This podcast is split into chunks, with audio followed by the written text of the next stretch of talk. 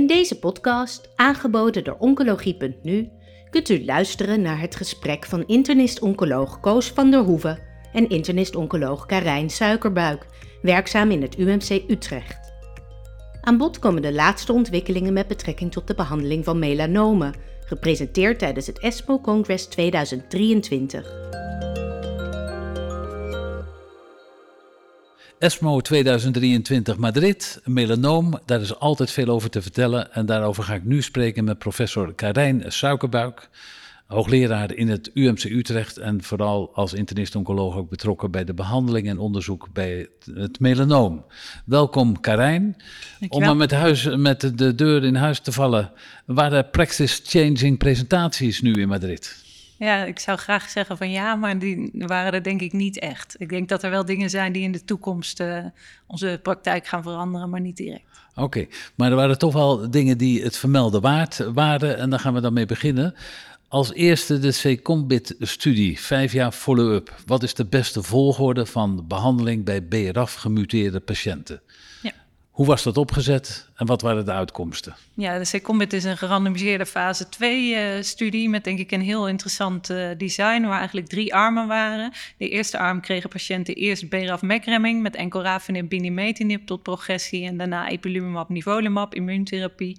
In de tweede arm was dat andersom, dus kregen ze ipilimumab, uh, nivolumab, immuuntherapie en bij progressie BRAF-MEC-remming. En in de derde arm was een soort sandwich design waar ze acht weken BRAF-MEC-remming kregen en dan ook zonder progressie switchten naar immuuntherapie. Uh, en we hebben daar eerder de resultaten van gezien. Die suggereerden dat de armen waar patiënten in ieder geval vroeg blootgesteld werden aan immuuntherapie, dus de tweede groep die eerst immuuntherapie kreeg en de groep die dus een sandwichbehandeling kreeg, dat die eigenlijk beter af waren. En nu liet ze een follow-up zien van vijf jaar, ja. vier jaar follow-up was er eigenlijk. Uh, uh, en keken ze opnieuw naar die groep en keken ze ook naar het voorkomen van hersenmetastase ja. in de verschillende groepen. Nou, en wat waren de uitslagen? Ja, dus je ziet dat nog steeds bij deze follow-up de patiënten die vroeg immuuntherapie krijgen beter uh, uit uh, zijn. Dat geldt ook als je kijkt uh, naar hersenmetastase. Um, eh, de, de, patiënten in de arm A hadden een grotere kans op hersenmetastase, dus ongeveer 20%, terwijl dat rond de 10% in de andere twee armen waren. Um, uh, dus je ziet eigenlijk nog steeds dat het goed is om te pro proberen niet te lang te wachten met het geven van immuuntherapie. En die immuuntherapie was dan een dubbele immuuntherapie Klopt, met ipilimumab en een nivolumab. Ja, exact. Ja. En de groep die daarmee begon, die kreeg uiteindelijk in dat hele beloop van die vijf jaar minder vaak hersenmetastase dan die groep die begon met de Die tot progressie uh, behandeld verder met ja. afremming. Waren er nou nog subgroepen waar dat iets anders bij lag? Bijvoorbeeld patiënten die een verhoogde LDH gehaald hadden? Ja, dus dat is denk ik wel een interessante groep. In de praktijk behandelen we die soms toch ook wel met inductie. Uh, het, het, is een kleine studie dit, hè? dus geen gerandomiseerde fase 3. Het was echt een fase 2 uh, studie met 70 patiënten per arm. Maar daarin leek het wel dat als je in de LDH-subgroep dus patiënten met een verhoogd LDH, dat die misschien nog wel het beste af waren als ze die sandwich kregen. Dus uh, acht weken BRAF-MEC-remming en dan immuuntherapie. Dat is iets wat we in de praktijk ook doen. Ik denk dat dat nog steeds interessant is om dat beter uit te zoeken. In de DMTR hebben we dat ook wel eens gedaan en ook wel eens laten zien dat mensen daar toch baat bij zouden kunnen hebben, die groep, om toch kort BRAF-MEC-remming te geven en daarna immuuntherapie. En moeten die patiënten dan op die BRAF-MEC-remming een normalisering van het LDH krijgen? Ja, dat, dat is hier niet uitgezocht, maar dat zagen we in de DMTR wel, dat de patiënten die respons hebben en een normalisering van het LDH, dat die eigenlijk een kans op lange termijn overleving daarna hebben. Dus het is niet helemaal nieuw, maar het ondersteunt eigenlijk het beleid wat je op dit moment uh, vaak uh, ja, ja, en we hadden in Nederland de Cowboy-studie, maar die hebben we helaas niet af kunnen maken. Die had dat antwoord kunnen geven. Ja, ik ga verder over de asymptomatische hersenmetastase. Want als we alle mensen een MRI-scan geven voorafgaande aan behandeling voor gemetastaseerd uh, melanoom, dan zien we toch mensen die asymptomatisch hersenmetastase hebben. Uh, er is een studie uh, gepresenteerd hier waarbij gekeken is over, over hoe je dat nou het beste aan kan pakken en of het uitmaakt welke behandeling je krijgt. Dat is de NIBIT-studie. Kan je zeggen hoe die eruit zag? Ja, was een uh, kleine internationale multicenter fase 2 studie uh, waar gerandomiseerd werd tussen uh, IPI-niveau, IPI met fotomastine en fotomastine alleen. Um, Vertel nog eventjes die fotomastine, want voor vele mensen komt dat misschien een beetje uit de lucht vallen. Ja, ik heb het ook nog nooit gegeven, moet ik eerlijk zeggen. Maar dat is chemotherapeuticum. En omdat het erg lipofiel is, is de gedachte dat het goed is. Of dat was de bloedhersenbarrière doordringt. Dat het goed in de hersenen doordringt. Ja, exact. Ja. Oké. Dat bleek helaas in deze studie niet zo uh, te zijn. Ze hebben zeven uh, jaar deze patiënten gevolgd. En wat waren die uitgeslagen? Ja, dus uh, na zeven jaar, hoewel de mediane follow-up ook hier wat korter was, vijf en half. En als je uit de numbers at risk kijkt, vraag ik me af of ze echt iets over zeven jaar mogen zeggen. Maar goed, laten we zeggen vijf tot zeven jaar overleving. Zie je dat de patiënten die ipilimumab, nivolumab hebben echt een goed plateau hebben van rond de 40 procent, 43 procent in deze studies. Dat weten we ook al wel uit de eerdere checkmate en ABC. Uh, maar de armen met fotomastine was dat echt lager, dus 10 procent ongeveer. Dus dat, uh, dat, dat is hem niet. Uh, Ipinivo is de behandeling van keuze bij patiënten met asymptomatische hersenmetst. Ja, dus een overall survival van 43 procent. Ja vijf tot zeven jaar na de diagnose. Voor patiënten met hersenmetastase van een melanoom. Daar had je tien jaar geleden niet van kunnen dromen, nee, denk zeker ik. Zeker niet. Nee. En hebben deze mensen dan in het belopen ook nog bestraling van die hersenmetastase gehad? Of zijn die lokaal niet behandeld? Nou, je zag dat er bij een, dat liet ze zien dat een, bij een aanzienlijk deel van die patiënten met ipilimumab de respons aanhield zonder dat ze verdere behandeling. Dus er waren er natuurlijk wel een paar, maar het merendeel had echt aanhoudende respons van de immuuntherapie. Maar dit ondersteunt het beleid dat als er geen contra-indicaties zijn, dat je bij deze patiënten met asymptomatische hersenmetastase ook veilig kan beginnen met ipilimumab en nivolumab, in ieder geval met de dubbele exact. therapie. Ja. Dan ga ik naar de tilceltherapie, de Life Lifestyle uh, studie. Die ging over tilcel bij het gemetastaseerde mucosale melanoom. Hoe, hoe, vaak, wat is het percentage van de gemetastaseerde melanomen dat een mucosaal heeft? Ja, min- nabij. minder dan 10% volgens Ja. mij. Dat is echt eh, heel erg zeldzaam. En het is een groep patiënten waarvan de, de standaardbehandelingen... ze hebben bijna nooit een BRAF-mutatie... en de responskans op immuuntherapie is echt veel lager dan bij cutaan. Dus het is echt wel een groep, ook al is het een kleine groep... waar we behoefte hebben aan andere behandelingen. En die tilceltherapie die is hier ingezet bij mensen die eerder PD1 of een PDL1-blokker gehad hadden en die daar progressief op zijn. Ja. Die tilceltherapie, is dat vergelijkbaar met de tilceltherapie die we op dit moment in Nederland doen? Ja, is natuurlijk nooit head-to-head eh, vergeleken. Maar als je de logistiek zo ziet, dan komt dat in grote lijnen eh, wel overeen. En dit was dus een cohort in een grotere studie met Lifileucel, eh waar ze ook cutaan melanomen includeren bij allemaal PD1 refractaire patiënten. Wat waren de uitslagen voor deze groepen patiënten met het gemetastaseerde mucosale melanoom? Ja, 12%, of 12 patiënten zaten er maar in, dus je moet altijd een beetje voorzichtig zijn met responskansen. Maar 50% is denk ik echt wel indrukwekkend voor deze groep. Ja, Uh, zeker hè, uh, refractair voor anti-PD1.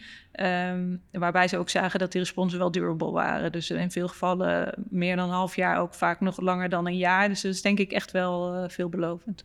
kunnen patiënten in Nederland met een gemetastaseerd mucosaal melanoom die progressief zijn op uh, PD1-blokkade, kunnen die ook in de TIL-behandeling? Tot nu toe is dat niet afgesproken. Maar als je deze data ziet, zou je daar denk ik wel over Dan na zou het willen een denken. reden kunnen zijn om dat opnieuw ter discussie te stellen. Ja.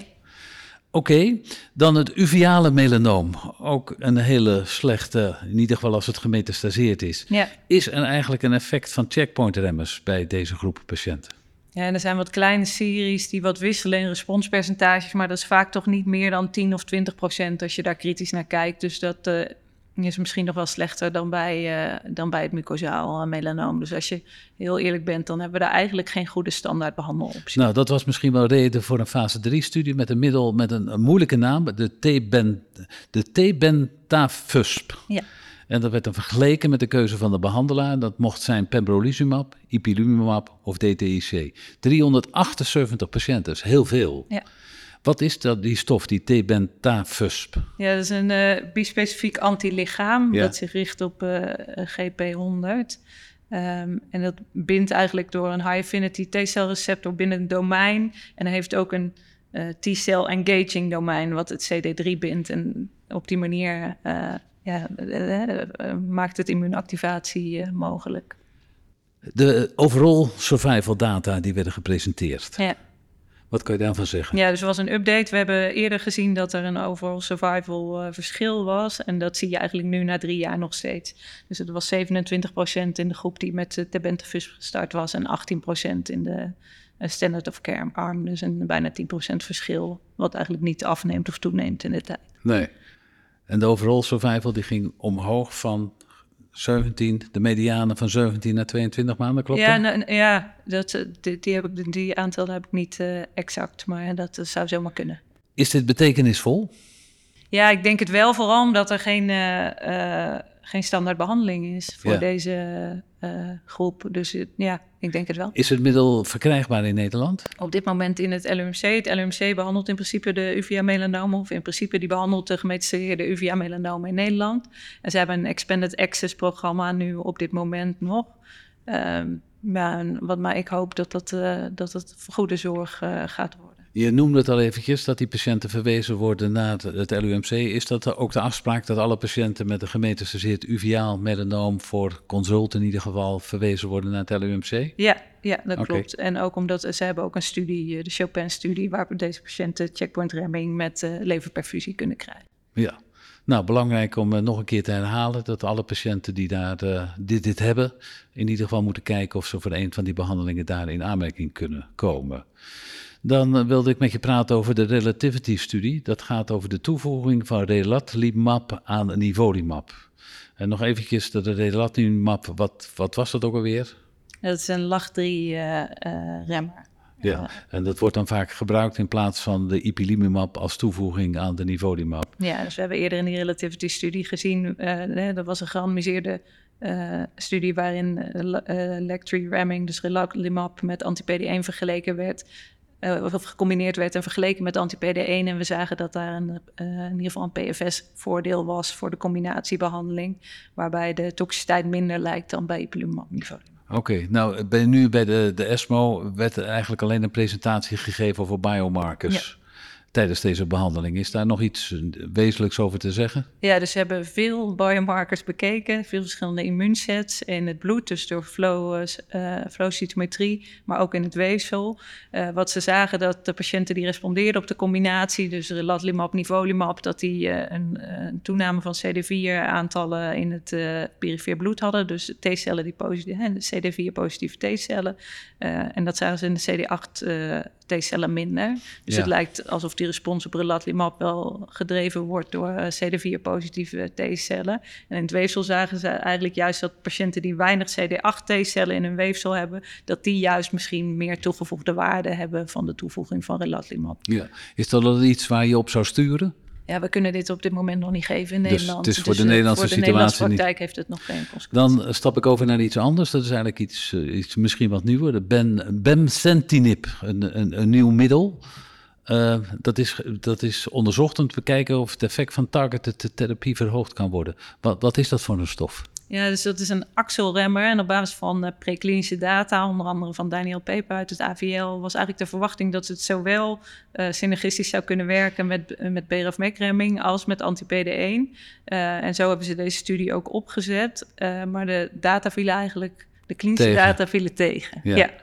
Dus de, nou ja, dat moet beter worden, willen we daarop uh, voortgaan. Ja, dus de conclusie van, de, van de, degene die het presenteerde was eigenlijk dat het niet toevoegt en dat het daarmee klaar was. De uh, discussant, Caroline Robert was dat volgens mij, die was wat, die zei nou de preklinische data zijn veel, zo veelbelovend, we moeten dit toch in een ander design nog eens uh, testen. Okay, maar het zou dus ook wel kunnen dat het voor het laatst is dat we er iets over gehoord hebben. Zou denk ik wel kunnen.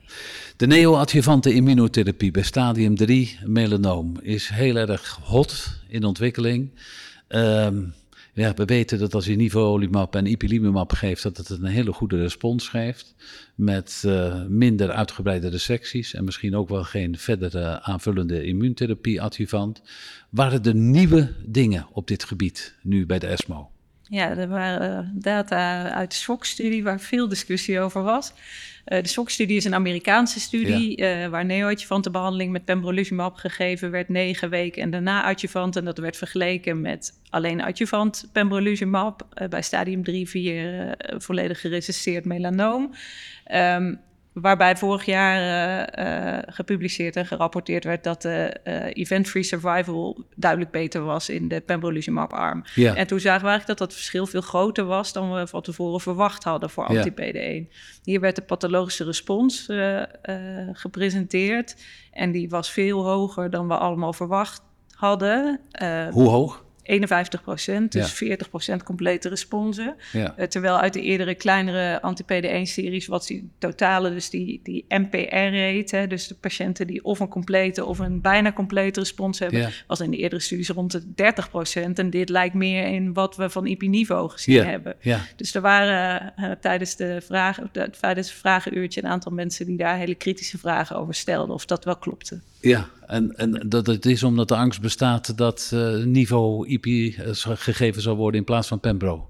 Nou, de, de, um, er zijn een paar rare dingen. Dus de, deze getallen zijn anders. Je ziet dat het plateau voor de patiënten met een pathologische respons loopt in alle andere studies. Dus de Prado en OPS loopt helemaal vlak. Ja. Dat zie je hier aflopen. Percentages van de patiënten met een totaal uh, pathologische complete respons en neer complete respons zijn veel hoger. En het verschil in uh, recidiefvrije overleving tussen de patiënten met en zonder zo'n pathologisch neer complete respons is veel kleiner dan je zou verwachten. Dus de vraag is wat zij allemaal bijna complete respons. Is dat wel echt complete respons? Dus het heeft vragen opgeroepen die Zeker. op een andere bijeenkomst beantwoord moeten worden voordat we daarmee verder gaan. Ja. En wij gaan dan voorlopig maar verder op het pad van de IP en niveau. Ja, dus Uh, ik uh, verwacht dat we volgend jaar de data van de Nadina-studie gaan zien. Oké, okay. nou, is interessant om naar uit te kijken. Zeker, ik hoop Iets, op ESCO. Het, iets wat, wat mij betreft uh, helemaal nieuw was, dat, dat, dat de intrathecale behandeling met immunotherapie uh, besproken werd voor patiënten die leptomeningeale metastase hadden. Dat geven we niet zo vaak meer intrathecale therapie. We weten dat die immunotherapie eigenlijk ook de bloed-hersenbarrière wel, wel doorkruist, of in ieder geval daar effectief kan zijn. Wat was de rationale om dit toch te proberen? Ja, dus uh, we weten uit de studies met hersenmetastase dat juist deze groep het op IP-niveau eigenlijk heel slecht doet. Dus alleen intraveneus combinatie immunotherapie doet het eigenlijk bij deze groep niet. Bij de leptomeningeale. Bij de patiënten met ja. leptomeningeale metastase. Dus dat was het idee van deze studie. Ik vind het, het is een update, we hebben de eerder de data wel gezien. Ik vind het wel heel ingewikkeld, deze studie. Dus ze hebben intrathecaal en in, intraveneus nivolumab gegeven via zo'n Omaya-reservoir.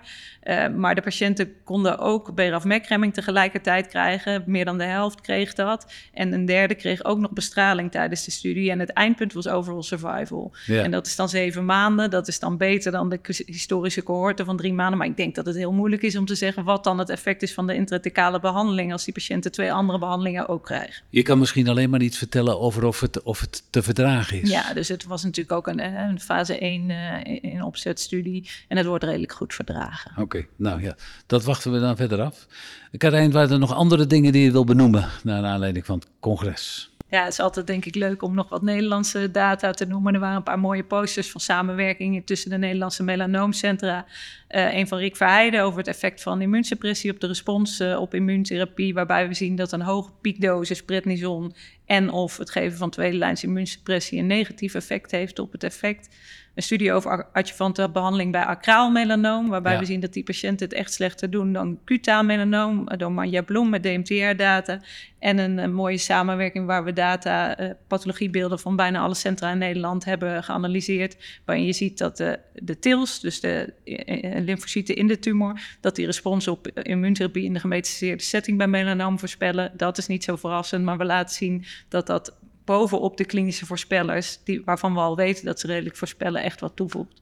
Dus dat zijn denk ik mooie Nederlandse Een mooie inbreng vanuit Nederland en ook bijdrage van de DMTR en bijdrage van jouw promovendi. Dank voor je toelichting op eh, de behandeling van het melanoom en graag tot de volgende keer. Dankjewel. Dankjewel. Bent u geïnteresseerd in meer podcasts? Deze zijn te vinden op de website oncologie.nu